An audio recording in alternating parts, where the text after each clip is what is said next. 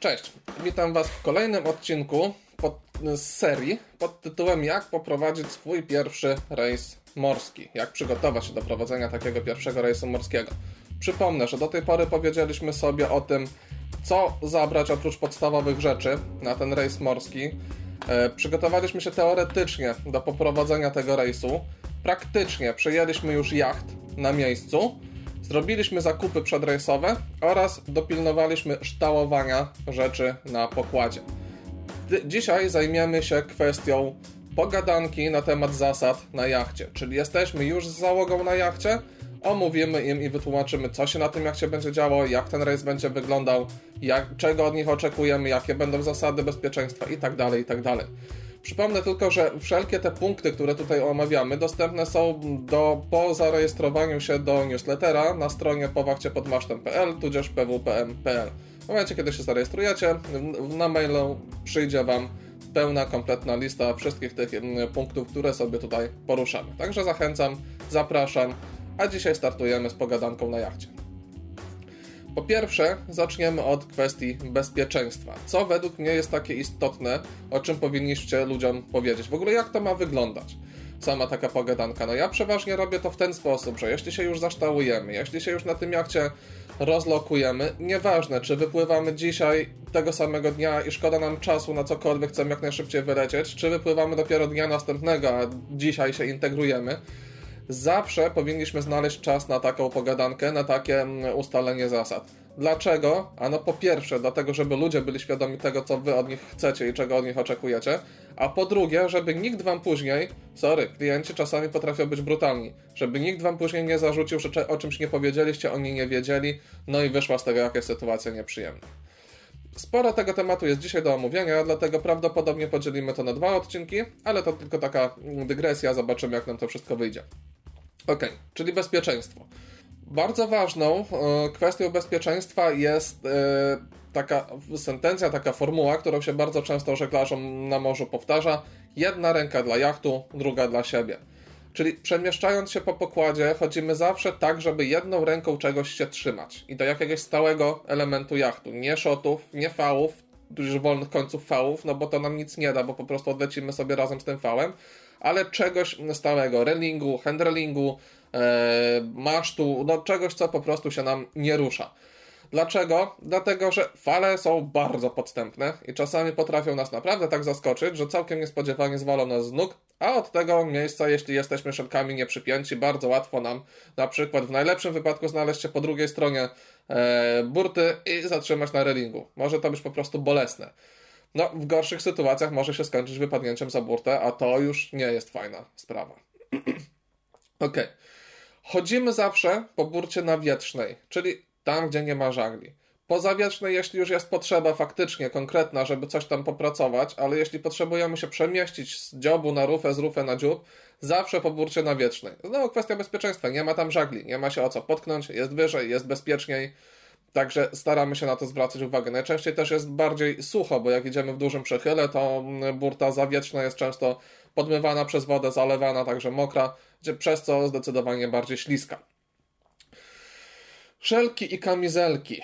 To jest bardzo ważna kwestia, o której ludziom powinniście powiedzieć zawsze. Po pierwsze, gdzie te szelki i gdzie te kamizelki się znajdują, bo umówmy się, na większych jachtach i na takich wodach, które są bardziej wymagające, robimy to tak, jak być powinno, czyli każdy dostaje e, dedykowany dla siebie szelki i każdy dostaje dedykowaną dla siebie kamizelkę i ma ich pilnować jak oka w głowie. Po prostu rozdajecie to właśnie podczas tej pogadanki, każecie sobie ludziom wybrać, dopasować do siebie szelki, dopasować do siebie kamizelki i mówicie im, że są za nie odpowiedzialne głową praktycznie te ludzie, czyli ci ludzie są odpowiedzialni. Chodzi o to, że w momencie, kiedy na przykład będzie alarm do żagli w nocy i trzeba będzie ubrać się w szelki, jeśli nie będzie wiadomo, kto gdzie te szelki ma, szelki się pomieszają. Ludzie są różnej postury, mniejszej, większej. Chudszy ubierze szelki większego, większy ubierze szelki mniejszego, no i będzie problem, bo zanim oni te szelki do siebie dopasują, zanim je dostosują, to miną cenne minuty, które mogły Wam na przykład pomóc uchronić się przed rozdarciem żagla. Dlatego też bardzo ważne jest, żeby te szelki były dopasowane do siebie, żeby każdy je dopasował. Wy im macie pokazać, w jaki sposób regulować te troki, w jaki sposób zapinać te szelki, w jaki sposób się wąsami w ogóle pracuje i im to wszystko uświadomić.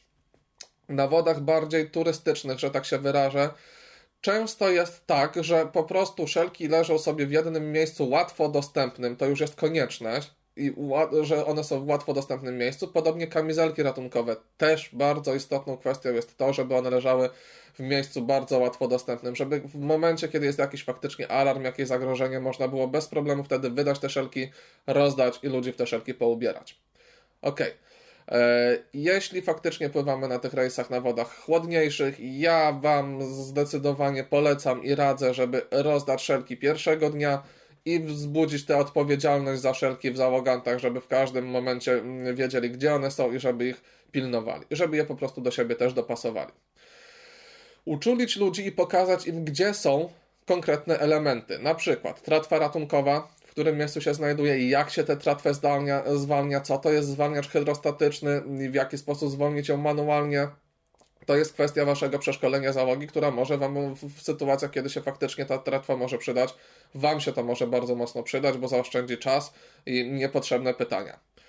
Koła ratunkowe. Gdzie są, ile ich jest, z czym są te koła ratunkowe, bo jedno będzie na przykład z pławką świetlną, inne będzie z lifeliną, jeszcze inne będzie z pławką z chorągiewką taką stojącą, jeszcze inne będzie zupełnie swobodne, bez niczego, tylko przymocowane. Ważne jest, żeby sprawdzić, gdzie one są. Mało tego, warto, żebyście przed rejsem sprawdzili, czy te koła są faktycznie łatwo dostępne. Bo już widziałem takie kwiatki na jachtach, że po przejęciu jachtu ja chcę sprawdzić koło ratunkowe, ono jest zawiązane na trzy płaskie węzły i po prostu sobie wisi. No i w momencie, kiedy by trzeba było na szybko ją szarpnę z tego kosza rufowego rzucić komuś, no to co? Ciąć, rozwiązywać, szukać w jaki sposób to koło mm, oderwać? Nie może być takich sytuacji. Koła ratunkowe muszą być, owszem, zabezpieczone przed wypadnięciem, ale na przykład jakimś węzłem refowym, który momentalnie jesteśmy w stanie rozwiązać, żeby to koło w razie czego wyrzucić. To jest kwestia ważna do sprawdzenia. Pokazujemy ludziom, na wszelki wypadek, gdzie mieszka pirotechnika. Nie tylko mm, pierwszy oficer ma to wiedzieć, ale również e, załoganci warto, żeby wiedzieli w momencie, kiedy na przykład no, braknie kapitana, braknie pierwszego, bo coś się może stać, coś może później tak. Niech wiedzą, gdzie to jest i w miarę niech wiedzą, jak się mm, tego używa. No nie będziemy im demonstrować, jak się strzela rakiet, ale żeby chociaż pokazać, gdzie jest ta strzałka, o której już wspominałem, żeby nie strzelić sobie pod nogi, warto. Gdzie jest pławka EPIRB? Bo teraz już e, praktycznie na każdym jachcie znajdują się EPIRBy. Też warto omówić, co to jest ten EPIRB, co on robi, dlaczego on taki fajny jest i w jaki sposób go użyć, gdzie on się przede wszystkim znajduje. Gdzie jest przycisk distress na UKFC? No też już właściwie w 95 myślę procentach jachty pływające po morzu mają UKF-ki właśnie z distressem, także warto im powiedzieć, że ta czerwona klapka, którą się podnosi, tam jest jakiś guziczek, to nie jest do zabawy. Że tego się nie wciska tak, bo fajnie wygląda, bo coś pewnie zdetonuje, tylko to jest konkretny sygnał wzywania pomocy i jak on działa, co on robi, warto też ludziom uświadomić. Jeśli nie wiecie, nie kojarzycie w jaki sposób to działa, o co z tym chodzi, napiszcie jak, w komentarzach, jak najbardziej wyjaśnię, objaśnię, może zrobimy kolejny odcinek na ten temat, zobaczymy. Jeśli w ogóle będą jakiekolwiek niejasności z tymi rzeczami, o których ja mówię, tudzież coś byście dodali, dopowiedzieli, jak najbardziej komentujcie, będziemy się do tego odnosić, będę się starał do tego ustosunkować. Gdzie są rzutki ratunkowe? Często się na jachtach znajdują, nie zawsze, ale jeśli są, to warto, żeby ludzie wiedzieli, gdzie w razie czego takiej rzutki szukać. gdzie jest róg mgłowy. To też istotne w razie, kiedy na przykład chcecie, żeby ktoś wam ten róg mgłowy podał, a on nawet nie wie, o czym wy do niego rozmawiacie. Rogi mgłowe są różne. Często są w postaci przycisku i takiego horna, który jest gdzieś mocowany pod e, salingiem na przykład. To są na większych jachtach tego typu rozwiązania. Czasami są w postaci zwykłego takiego sprayu w aerozolu i dołączonej do niego tubki, jak na stadionach dosłownie. Też się świetnie sprawdzają, bardzo mocno ryczą, fajne są te rogi. No, ale też często się zdarzają zwykłe, że tak się wyrażę, analogowe rogi, czyli po prostu tuba z ustnikiem, który się pff, dmucha i róg ryczy.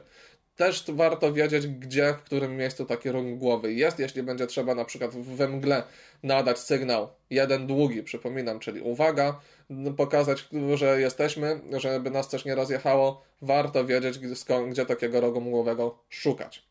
Lornetka. Lornetka też jest używana jak najbardziej często na jachtach. Powinna być w standardowym wyposażeniu każdego jachtu.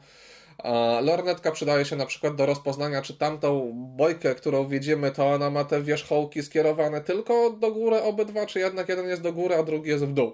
Czyli co to za kardynałka? Co ona nam mówi? Żebyśmy faktycznie wiedzieli, e, jak się do niego ustosunkować. Dlaczego nie mówię o kolorach? A z tego powodu, że są różne e, bojki kardynalne, nowsze, starsze, lepiej, gorzej utrzymane. Te gorzej utrzymane będą jednolicie szare po prostu. Kolorów nie zobaczycie w żaden sposób. Natomiast znaki szczytowe takiej bojki, czy tam stawy, czy tam puławy zobaczycie. I na tej podstawie jesteście w stanie określić, która to kardynalka jest. Ok, co więcej, z kwestii bezpieczeństwa.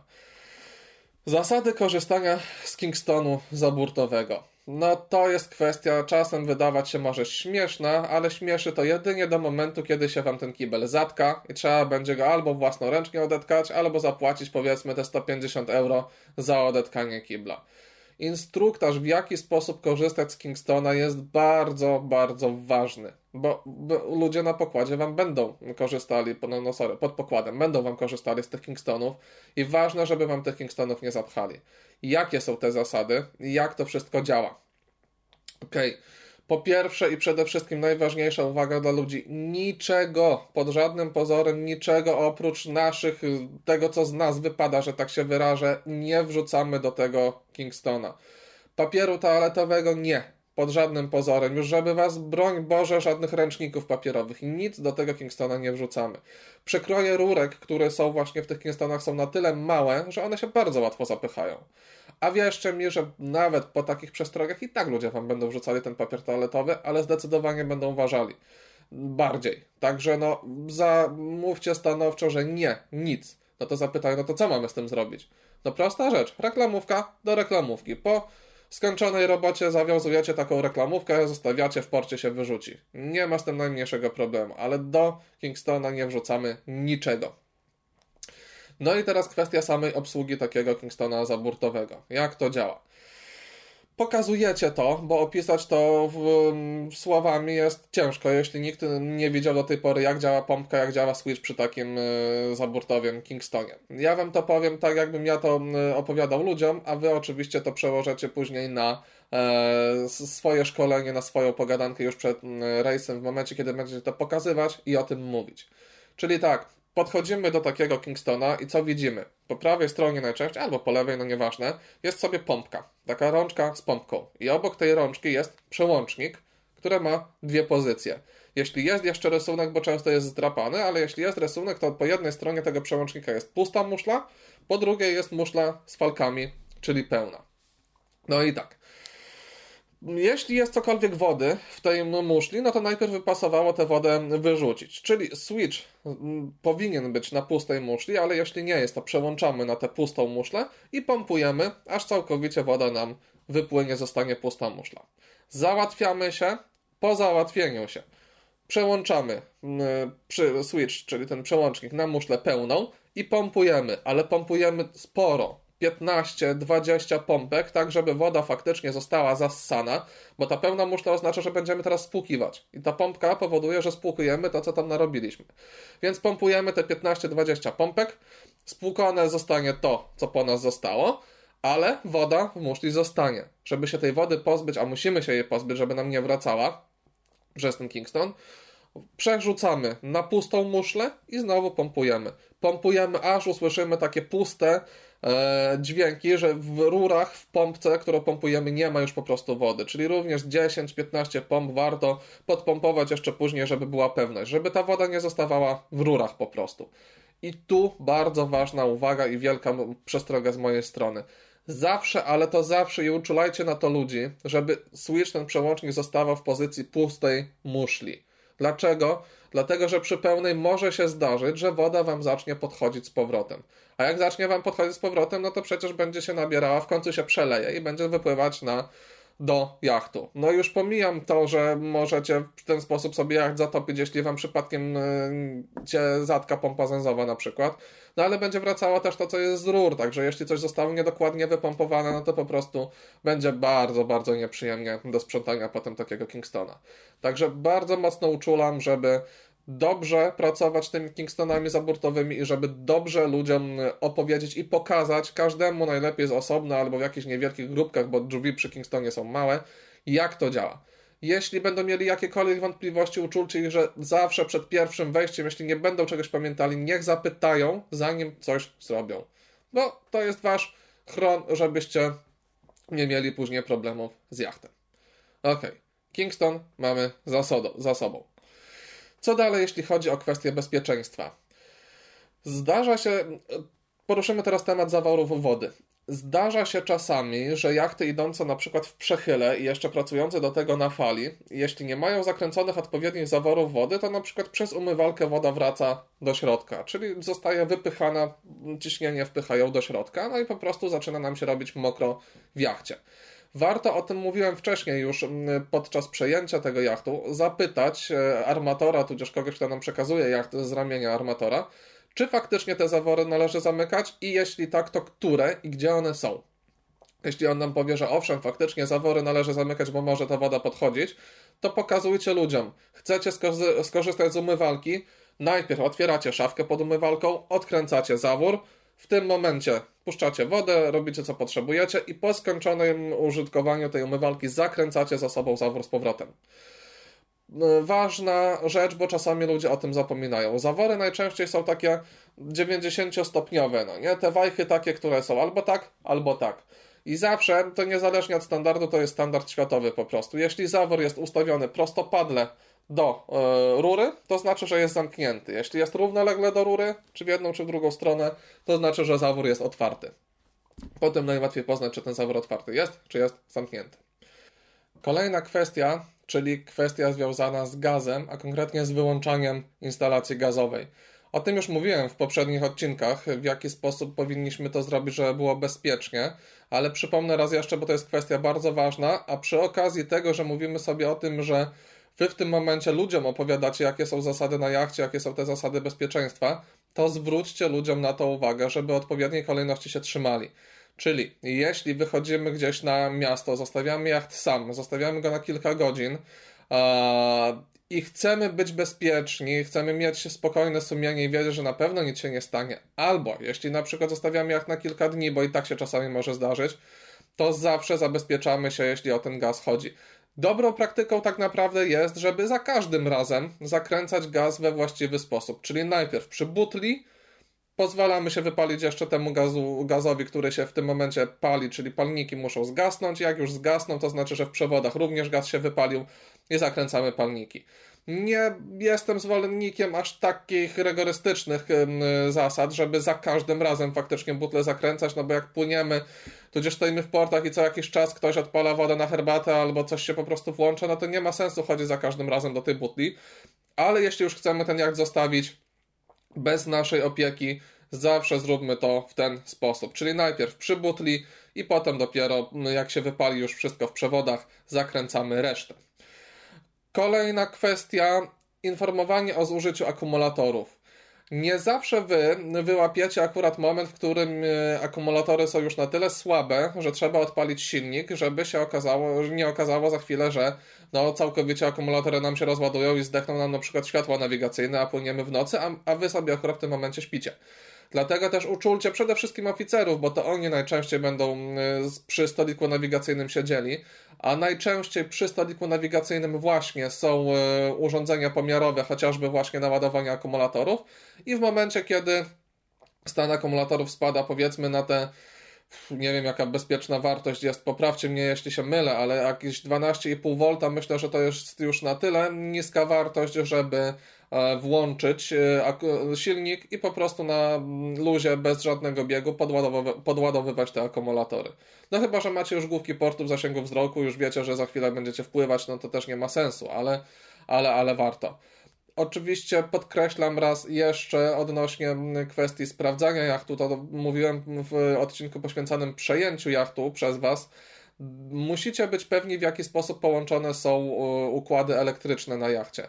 Raz już mi się na jachcie zdarzyło niestety, że były połączone w jeden pełen obieg i co z tego, że Ja stwierdziłem, ok, baterie są słabe, więc sobie odpalę silnik i doładuję te baterie. Jak się okazało, że w pierwszej kolejności energia szła z małego akumulatorka, który był właśnie rozruchowym akumulatorem.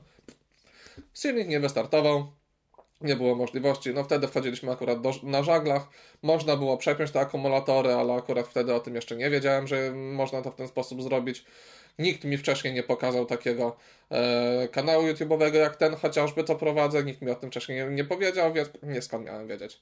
No ale na żaglach weszliśmy, wszystko się udało. Ok, także a propos tych akumulatorów i sprawdzania stanu naładowania baterii, bardzo ważna kwestia uczulam na to, żeby was, y, wasi oficerowie zawsze nawet wpisując do dziennika sprawdzili tę wskazówkę, poziom naładowania akumulatorów, żeby było wiadomo, czy jest wszystko ok.